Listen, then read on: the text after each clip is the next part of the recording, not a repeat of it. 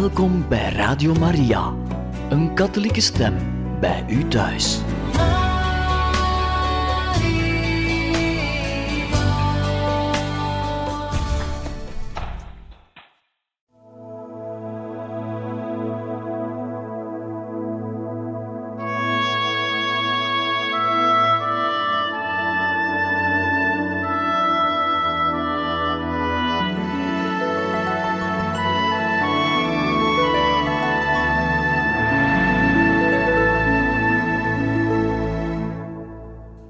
Luisteraars van Radio Maria, hartelijk welkom in dit programma Heilige Getuigen, waar wij verder gaan met de lezing van het leven van kardinaal Mincenti, geschreven door Jozef Keuzi Horvat. We zijn gekomen bij het onderwerp Vier jaar in het tuchthuis zonder naam. In de vorige uitzending hebben wij vernomen dat kardinaal Mincenti werd mishandeld en gedrogeerd en uiteindelijk documenten, valse documenten heeft getekend en nu werden overgeplaatst naar een ander tuchthuis.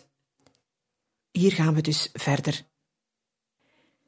Reeds op de drempel van het tuchthuis wachtte de kardinaal een onaangename verrassing. De man die hem overnam was de botte wachtcommandant van het gevangenishospitaal, Karolikis. Diens aanwezigheid betekende dat de kardinaal op het nieuwe station van zijn leven als tuchthuisklant met geen enkele consideratie kon rekenen. Dadelijk na zijn binnenkomst werd hij in het kledingmagazijn gebracht, waar hem het zwarte pak en het ondergoed van het lijf werden getrokken en hij daarbij smerige opmerkingen te verduren kreeg. Hij kreeg de gewone gevangeniskledij, een broek en een blouse van tijk een hoofddeksel van hetzelfde materiaal en zware, met spijkers beslagen gevangenisschoenen. Het meeste verdriet deed het hem dat men behalve zijn horloge ook zijn rozenkrans afnam.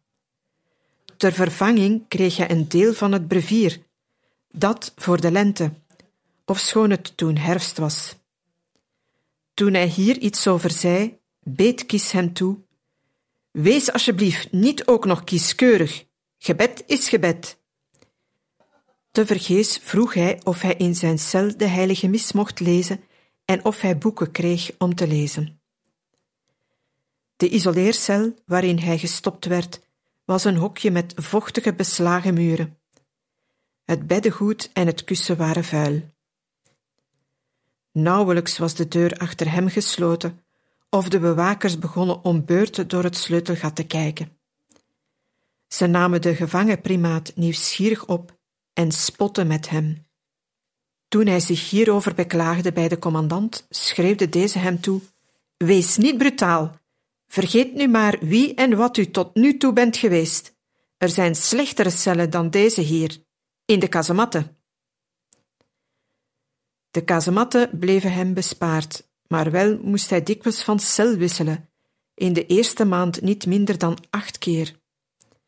Wat alle cellen gemeen hadden, was de kou. Ook waren in alle cellen de wanden beklad met afschuwelijke tekeningen die deden denken aan de smeerboel van openbare urinoirs. De inrichting van de cellen was overal hetzelfde. Het ijzeren bedstel, aan de grond vastgesmeed, was bedekt met een stroozak en twee heel dunne dekens. Het tafeltje stond eveneens vast aan de grond. Daar kwam dan nog een aluminium waskom bij met een waterkan en een toiletemmer. De enige handdoek moest ook dienst doen als vaatdoek en stofdoek. De dagorde van de tuchthuisklant kardinaal zag er als volgt uit. Om vijf uur werd hij gewekt. Daarna moest hij zich wassen met harde zeep en zonder tandenborstel zijn tanden poetsen. Vervolgens moest de afval bij elkaar worden geraapt en onder politiebewaking naar buiten gebracht en het drinkwater voor die dag naar binnen gebracht. Het schoonmaken van de cel gebeurde ook onder het toeziend oog van de bewakers. Om zeven uur werd er ontbeten. Om één uur kwam het middageten. Om drie uur in de namiddag moest hij in de omheinde tuin een wandeling maken. Om zes uur kwam er avondeten en om zeven uur moest hij gaan slapen. Zoals voor alle gevangenen in de isoleercel was de grote ellende ook voor de primaat de eenzaamheid. Het probleem een inhoud te geven aan al die overtollige tijd, vooral in de eerste negen maanden toen hij geen boek in handen kreeg en niet de heilige mis mocht lezen. Men liet hem een uur per dag wandelen, maar hij mocht niet deelnemen aan de gezamenlijke wandeling van alle gestraften. Zelfs in het tuchthuis zorgden de communisten ervoor dat niemand de primaat kon zien en dat hij zelf buiten zijn bewakers en af en toe een arts niemand te zien kreeg. Tijdens het rondlopen in de tuin kon er natuurlijk ook geen sprake zijn van ongestoord frisse lucht genieten. De wandeling gebeurde in gezelschap van twee bewakers die nu eens voor en achter hem, dan weer naast hem liepen. Door te bidden probeerde de kardinaal een beetje afwisseling te brengen in de eentonigheid van de wandelingen en zo ook zijn onprettig gezelschap te vergeten. Maar ook dat pakte verkeerd uit. De commandant verbood hem te bidden tijdens het wandeluur. Daarmee heeft het regime niets te maken, was het antwoord van de kardinaal. Ook omdat hij geknield bad in zijn cel, brachten de bewakers hem aan bij de commandant. Dit werd hem daarop door de arts verboden in verband met zijn gezondheidstoestand. Ondanks dat verbod bleef hij knielen. De gummiknuppel, het vonnis, de onderaardse kerker, het schuren en het slepen met matrassen, dat alles is beslist niet goed geweest voor mijn hart. En toch heb ik het moeten verduren. Waarom zou ik dan niet knielen op de tijd waarop ik dat gewoon was? schrijft hij. De wachters begluurden mij en sloegen op de deur. Ik vroeg ze alleen maar wat dat lawaai op die deur toch te betekenen had, en bleef geknield verder bidden. Ofschoon ik met dat soort dingen dagelijks meermaals werd gestoord. De tweede commandant, die menselijker was, maakte mij daarover ook geen moeilijkheden meer. De kardinaal was in zijn leven een mens geweest die veel werkte en weinig sliep. Na zijn dagelijkse werk als zielzorger placht hij de uren van de avond en de vroege nacht te vullen met lezen, schrijven en het voorbereiden van zijn toespraken, artikelen en boeken. Dus was het begrijpelijkerwijs voor hem een dubbele kwelling, jarenlang, iedere nacht tien uur, van zeven uur s avonds tot vijf uur s morgens, door te moeten brengen in het donker en in bed en dat ook nog in de voorgeschreven slaaphouding. Dat betekende dat de wacht gedurende al die tijd zijn handen en zijn gezicht moest kunnen zien. Als hij zondigde tegen deze regel, zijn gezicht naar de muur keerde of zijn handen onder de deken stopte, ter bescherming tegen de ijzige kou of tegen de beten van het ongedierte, werd hij door de bewakers door elkaar geschud. Soms gebeurde dat in één nacht verscheidene keren. Na negen bittere maanden in de isoleercel was het een hele gebeurtenis toen hem werd toegestaan iets te lezen te vragen uit de gevangenisbibliotheek. Tijdens zijn lectuur bestudeerde hij de oude en nieuwere marxistische auteurs, van wie men hem het werk altijd met het grootste genoegen ter beschikking stelde. Daarover luidt zijn mening aldus. Het was een vermoeiende bezigheid. Gehoorzaam en onvermoeibaar schrijven zij allemaal variaties op hetzelfde thema. Hij vond echter wel een adempauze en echte steun in de werken van de grote Hongaarse, Russische en Westerse klassieken.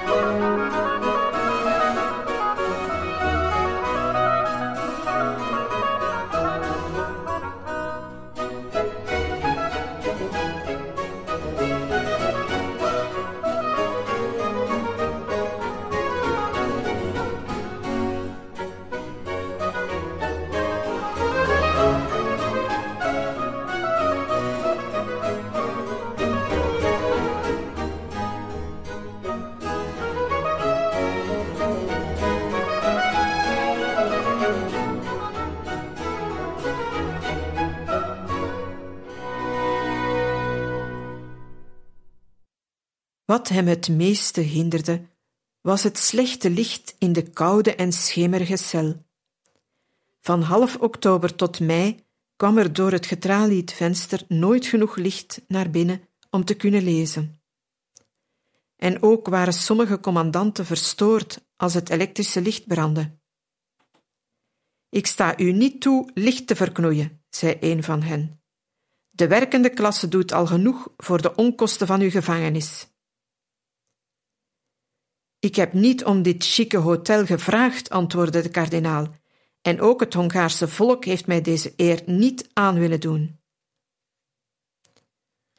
Een nog grotere vreugde dan het lezen betekende voor hem de rozenkrans, die hem werd teruggegeven, tegelijk met dat deel van het brevier dat hoorde bij de tijd van het jaar en de permissie in zijn cel dagelijks de heilige mis te lezen. Op de volgende manier verdeelde hij het rozenkransgebed over de dag en de nacht. Voor de kerk in het algemeen, voor het vaderland en voor het aartsbisdom s'morgens. Voor mijn medegevangenen, voor de jeugd en voor mijn moeder en voor de arme zielen in het vagevuur smiddags en s'avonds. Alle andere dingen waarvoor gebeden moest worden kwamen in de nacht aan de beurt. Mijn rozenkrans, die tijdens de gevangenschap misschien wel honderd keer werd gerepareerd, viel helemaal uit elkaar. Ofschoon de bewakers zijn levensduur wel verlengden door hem van tijd tot tijd in beslag te nemen en in bewaring te houden. In Mijn leven, de memoires van kardinaal Vincenti, lezen wij: Het brevier werd een ware bron van vreugde misschien juist omdat ik het zo lang had moeten missen. Het breviergebed duurde bij hem, in plaats van de gebruikelijke één uur en een kwartier, dikwijls twee en een half tot drie uur. Vanaf 16 juni 1950, feest van het Heilig Hart van Jezus, toen hem voor de eerste keer werd toegestaan de Heilige Mis te lezen, werd dit het middelpunt van zijn dagindeling. Een telefoontafeltje diende tot altaar. Zijn altaarbeeld kwam uit de werkplaats van een trappistenklooster in Noord-Frankrijk en stelde Christus voor met doornen gekroond. Dit beeld was hem een maand voor zijn arrestatie gestuurd door een onbekende volgeling en met de hand geschreven stond er deze opdracht in: De victus vincit, de overwonnene overwint. Overal waar hij naartoe gesleept werd, nam hij dat beeldje mee. Naar de Andrassistraat, naar de gevangenis in de Marcostraat, naar de zaal waar hij werd verhoord, naar het gevangenishospitaal, daarna naar het tuchthuis en vandaar weer terug naar het hospitaal. Het vergezelde hem naar Buccio Saint Laszlo, Felsu Peteni, Buddha en de semi-gevangenschap van de Amerikaanse ambassade en tenslotte bij de ballingschap.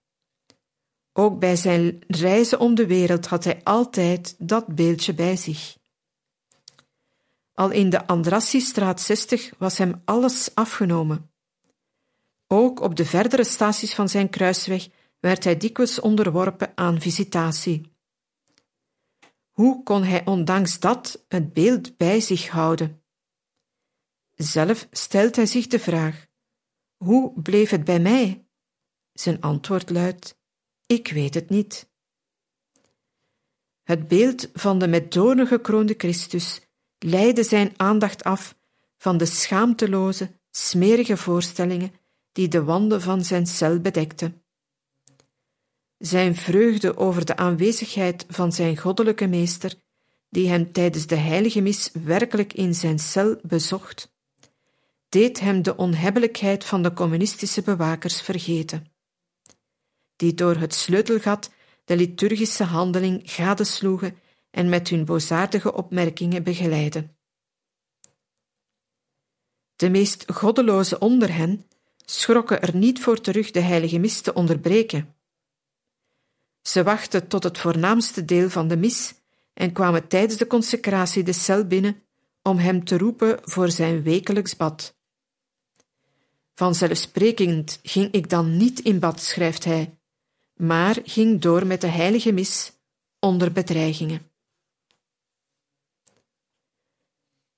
De kardinaal las de heilige mis langzaam en in meditatie. Dikwijls duurde de mis twee en een half, soms zelfs drie en een half uur. Ik bad voor de nood van de kerk in Hongarije en voor de nood van mijn land. Altijd mede ingesloten in mijn gebed waren de paus, kardinalen en bisschoppen, de priesters, de zieken, mijn moeder, mijn zusters, mijn seminaristen, maar ook mijn vijanden, de bewakers en de gevangenen. Als gestrafte had ik voor dit alles de tijd en ik was er God dankbaar voor. Op 16 juni 1950, de dag waarop de kardinaal voor de eerste keer weer de heilige mis vierde, kreeg ook zijn moeder bericht dat ze na veel vergeefse aanvragen nu haar zoon bezoeken mocht. In de negen maanden van zijn leven in het tuchthuis was dit de tweede keer dat de kardinaal iemand uit de buitenwereld ontmoette. Het eerste bezoek had in het begin van het jaar plaatsgevonden, en dat was de Grieks-katholieke bisschop van Hadj-Tudorog geweest, Mikulus Dudas, aan wie verlof gegeven was om de biecht van de primaat te horen. Samen met de moeder van de kardinaal kreeg ook de biechtvader weer verlof tot bezoek. Eerst mocht mevrouw Borbola, zijn moeder, in aanwezigheid van de wacht een half uur met haar zoon praten. Daarna gaf men de bisschop een kwartier voor de biecht. Maar deze ontmoeting met zijn moeder en met de bisschop vond niet plaats in het tuchthuis zonder naam, maar op de tweede verdieping van de strafgevangenis van Vac, een kleine stad gelegen ten noorden van Budapest. De strafinrichting van Vac was ook later tussen 17 juni 1950 en 17 juli 1955 steeds weer de plaats waar de kardinaal en zijn moeder elkaar zagen. Deze ontmoeting, schrijft de kardinaal, was net een toneelstuk. Men trok mij de laarzen en de kiel van tijk uit. Daarop werd ik gladgeschoren en in een zwart burgerpak gestoken. Ik kreeg zelfs een hoed en ik moest mijn horloge en de bisschopsring aandoen, die voor de gelegenheid uit het depot werden gehaald. Mijn bisschopsring stak ik in de laatste minuut in mijn zak, omdat ik niet mee wou doen aan die bedrieglijke manoeuvre. Het ontging niet aan de opmerkzaamheid van de moeder hoe opvallend goed verzorgd haar zoon eruit zag. Ze merkte ook dadelijk op: Mijn zoon, je pak en je schoenen zien er goed uit. Ik was al bang dat ze je in de anderhalf jaar die er voorbij zijn gegaan helemaal afgedragen zou hebben. Lieve moeder, antwoordde de kardinaal vol humor. U zou eigenlijk moeten weten dat kinderen netjes gewassen en mooi aangekleed worden als hun moeder op bezoek komt. Na het bezoek vertelde mevrouw Borbola vol vreugde aan haar kennissen: Mijn zoon leeft, God zij dank, hij is weer gezond. Dat hij zo sterk vermagerd was, verklaarde zij met de veronderstelling dat hij ook in gevangenschap vastte en boete deed. Het anders zo helderziende moederoog had zich toch dit keer vergist. De werkelijke reden van de vermagering van de primaat was de ziekte van Beesdauw. Bij deze oude kwaal kwam later nog een nieuwe. Hij kreeg een zware aanval van gordelroos, gepaard gaande met krampen, koorts, vermoeienis, neerslachtigheid en etterende uitslag, waardoor het hem onmogelijk werd te slapen. Begin 1954 waren ook zijn longen aangetast. Zijn gewicht slonk van 82 kilo tot 42,5. Hij was zo zwak dat hij op een middag in de winter een aanval van duizeligheid kreeg. Het gebedenboek viel uit zijn hand, hij begon te wankelen en viel bewusteloos op de grond. Bij die val sloeg hij met zijn hoofd tegen de kant van de stenen kachel. Toen hij weer bijkwam, lag hij in een plas geronnen bloed. Zijn moeder mocht hem ongeveer ieder half jaar één keer bezoeken. Bij de eerstvolgende gelegenheid, toen zij haar skeletmagere en neergeslagen zoon weerzag, wendde zij zich heftig verontwaardigd tot de politieofficier. Schaamt u zich niet dat uw gevangene er zo uitziet? Waarvoor betalen wij zoveel belasting?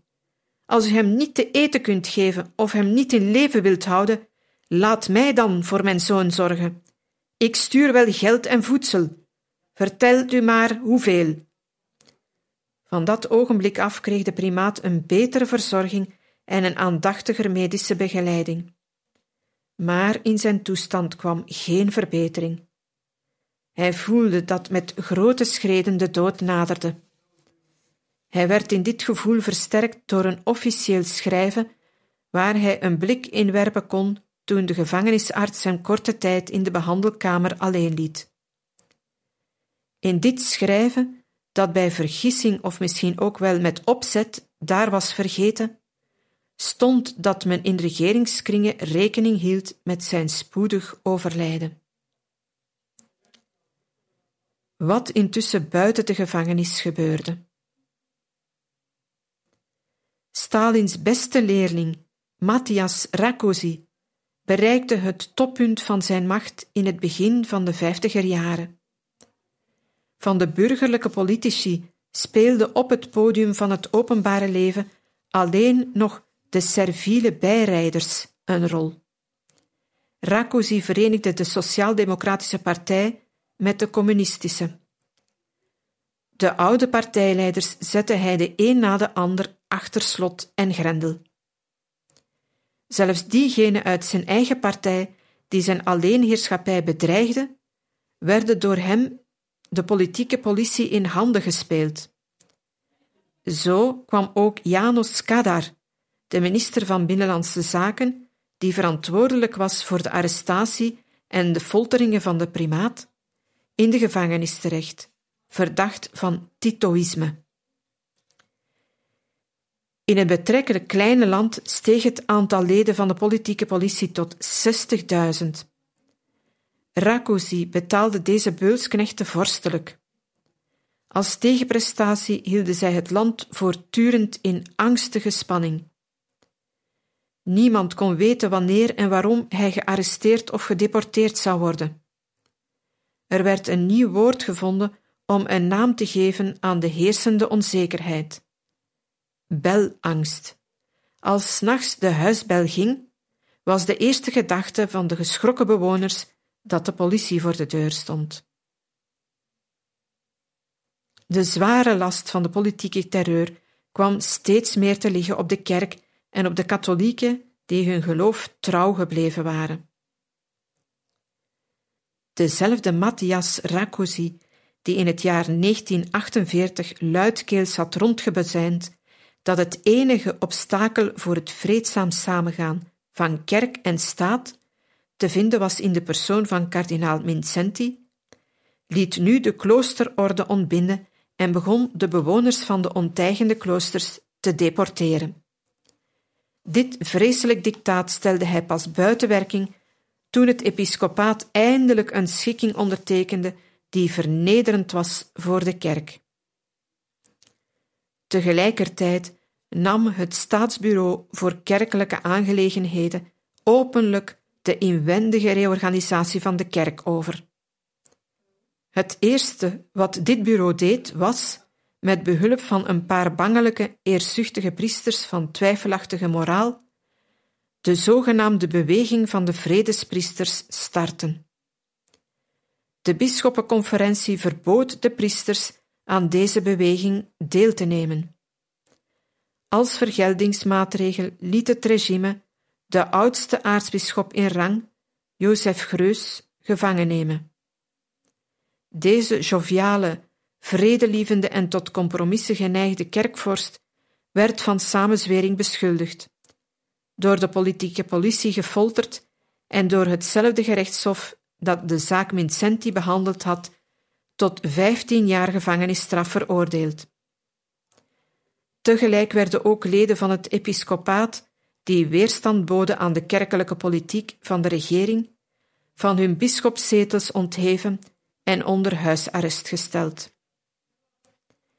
Na deze drastische maatregelen plaatste het Staatsbureau voor Kerkelijke Aangelegenheden communistische controleurs in de bisschoppelijke kanselarijen, die niet alleen een oogje hielden op de post, maar ook op de bezoekers. De landelijke leider van dit bureau, dat naar Sovjet-Russisch voorbeeld was georganiseerd, als ook de leiders van daaraan ondergeschikte bureaus in de afzonderlijke graafschappen, bemoeide zich met de priesteropleiding, met de overplaatsing van pastoors en kapelaans en zelfs met de onderwerpen van een herderlijk schrijven. Nadat het verplichte godsdienstonderwijs op de scholen had opgehouden te bestaan, schrokken de plaatselijke machthebbers ook niet meer terug voor lompe dreigementen en wraakacties om de ouders ervan te weerhouden voor hun kinderen facultatief godsdienstonderricht te verlangen.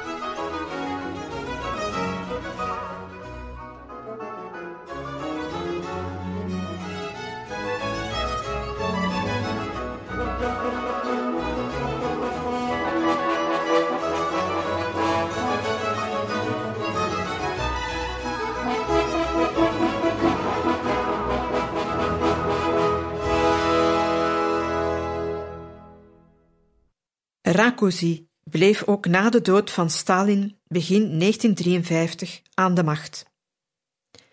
Ofschoon hij het ambt van minister-president moest afstaan aan de gematigde en humane Imre Nagy, kon hij wel partijleider blijven. Ten gevolge van de destalinisering die onder Imre Nagy werd doorgevoerd, verloor ook de sadistische generaal Gabor Peter zijn baan en zijn vrijheid. Op de avond van 12 mei 1954, twee maanden nadat de Hongaarse Beria gevangen was gezet, bezocht de nieuwe commandant van de strafinrichting de zwaar zieke kardinaal. Tijdens het gesprek werd het hem duidelijk dat er in de voorbije jaren nogal wat gebeurd was met de kardinaal, dat niet in orde was geweest. Het klonk bijna als een verontschuldiging. Toen de commandant de cel had verlaten, herinnerde de primaat zich een tijding die hij bij haar laatste bezoek van zijn moeder had gehoord. Toen hij namelijk informeerde of er in de familie nog iets was voorgevallen, kreeg hij onder meer ten antwoord dat ook Jozef Keleti, de Jozef uit het oosten, letterlijk vertaald, in Hongarije echter een veel voorkomende naam, was overleden. Toen al had hij het vermoeden, maar nu, na het bezoek van de nieuwe commandant en diens verontschuldigde houding, werd dit vermoeden tot zekerheid dat zijn goede moeder hem met dit pseudoniem de dood van Stalin had willen meedelen. Hij maakte de logische gevolgtrekking dat de dood van Stalin, zoals hij schreef, nieuwe winden deed ontwaken die langzaam nu ook mijn cel bereikte. Daags na het bezoek van de nieuwe commandant werd de kardinaal in een gesloten auto weggebracht naar het gevangenishospitaal in Budapest. Zijn bewakers en de nieuwe humane wachtcommandant major Vekati vergezelden hem. Zijn verblijfplaats in het gevangenenlazaret, zijn verpleging en medische behandeling waren dit keer veel beter dan bij zijn eerste verblijf in deze inrichting. In plaats van zijn gevangenenkledij mocht hij nu zijn zwart priesterkostuum dragen. Zijn kamer was groter en gezonder dan zijn cel in de strafinrichting. Door het openstaande bovenraam stroomde al door frisse lucht naar binnen. In plaats van een tinnen nap kreeg hij een bord met mes en vork en een drinkglas. Hij werd dikwijls naar de tuin gebracht om te wandelen en ook voor een lichtkuur in de open lucht. Maar om zijn incognito te verzekeren, paste men wel op dat hij door niemand werd gezien. Tijdens zijn wandeling werd zijn ziekenkamer in orde gebracht. Dit deed een medegestrafte onder toezicht van een bewaker. De eerste bewaker nam zijn plicht niet al te serieus op. Hij liet de gevangene vaak alleen en ging naar de poort van het ziekenhuis om daar het aardige meisje dat wacht had het hof te maken. Aan dit plichtsverzuim was het te danken dat de primaat na vijf jaar volledige afzondering eindelijk iets hoorde over alles wat er in de wereld was gebeurd sinds hij gevangen was gezet. De berichtgever was een van zijn priesters en samenzweerders, dokter Bela Ispanki, die eveneens tot levenslange tuchthuisstraf veroordeeld was en die in het ziekenhuis te werk gesteld was als stoker. Toen Ispanki van zijn medegevangene J.G., een vroegere politiefunctionaris die de cel van de kardinaal schoonmaakte, hoorde van de veranderde situatie, stelde hij een verslag op aan de hand van de verhalen van pas binnengekomen politieke gevangenen. Dit schreef hij met hele kleine letters op wc-papier en liet het door J.G. de kamer van de kardinaal binnensmokkelen. Na een paar dagen kwam het tweede verslag. Op het derde wachtte de primaat echter vergeefs. De verliefde bewaker werd afgelost en zijn opvolger liet de gevangene die op moest ruimen nooit alleen. De veranderde tijden weerspiegelden zich ook in het gedrag van de voornaamste arts. Hij verklaarde kort en bondig dat hij geen politiebewaking wilde hebben als hij zijn patiënten behandelde. Als gevolg van zijn gewetensvolle manier van werken trad er een verbetering in de toestand van de primaat op. Ook gaf de arts zijn meerdere de raad de ziekte van Beesdouw, waar zijn patiënt nu weer aan leed, langs operatieve weg te genezen. Maar zijn voorstel werd niet opgevolgd. Helaas bleek de verbetering van voorbijgaande aard te zijn. Drie kwart jaar later trad weer een snelle gewichtsvermindering op en de ogen werden zo slecht dat de kardinaal niet meer kon lezen. Zijn lichaam zwol op en hij leed onder een kwaadaardige uitslag. Hij kon niet slapen. De hoofdarts hield tot tweemaal toe medische consulten bij het ziekbed van de zwaarzieke kardinaal gevangene. Dit alles gebeurde tussen het voorjaar en de zomer van het jaar 1955, in een tijd waarin het er alle schijn van had dat Matthias Rakosi zijn macht terug zou krijgen. Hij bracht minister-president Imre Nagy, die wegens zijn maatregelen voor destabilisatie in korte tijd heel erg populair geworden was, ten val. Op de post van Imre Nagy plaatste hij zijn beschermeling, de jonge Andras Hegedus. Maar hij had te vroeg gejuicht. Toen hij in zijn wraakzucht ook nog de fout maakte zijn tegenstander buiten de partij te sluiten, kwam heel het land tegen hem in opstand, de meerderheid der communisten niet uitgesloten. In de precaire toestand waarin het land zich politiek bevond, zou het voor Rakosi uitermate onaangenaam geweest zijn als de door hem gevangen genomen primaat was gestorven. Daarom zocht en vond hij een oplossing. Voor de publieke opinie leek dat op een verdergaande destalinisering. Maar ondertussen gaf deze oplossing de waarborg dat de primaat ook in de toekomst in zijn greep was. En hierin bestond deze Janus-oplossing. Zogenaamd op verzoek van de niet voltallige bisschoppenconferentie ontsloeg de nieuwe regering de kardinaal van zijn tuchthuisstraf, met het oog op zijn gezondheidstoestand. Als zijn toekomstige woonplaats werd hem toegewezen het vroegere bisschoppelijke zomerverblijf aan de rand van het dorp Puspeuk Sint Laszlo, aan de zuidoostelijke punt van West-Hongarije. Dit regeringsbesluit deelde de politiekolonel Rajnai de primaat mee op 16 juli 1955 en hij voegde eraan toe dat hij reeds de volgende dag naar zijn nieuwe verblijfplaats gebracht zou worden.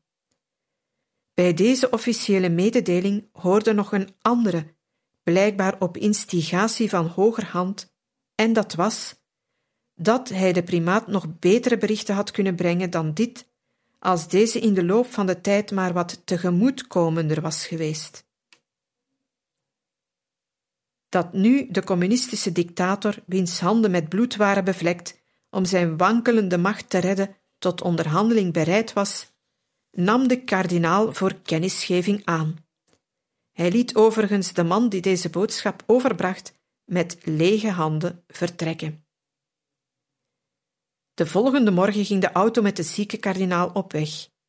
De reis voerde langs de rechter Donauoever naar het zuiden.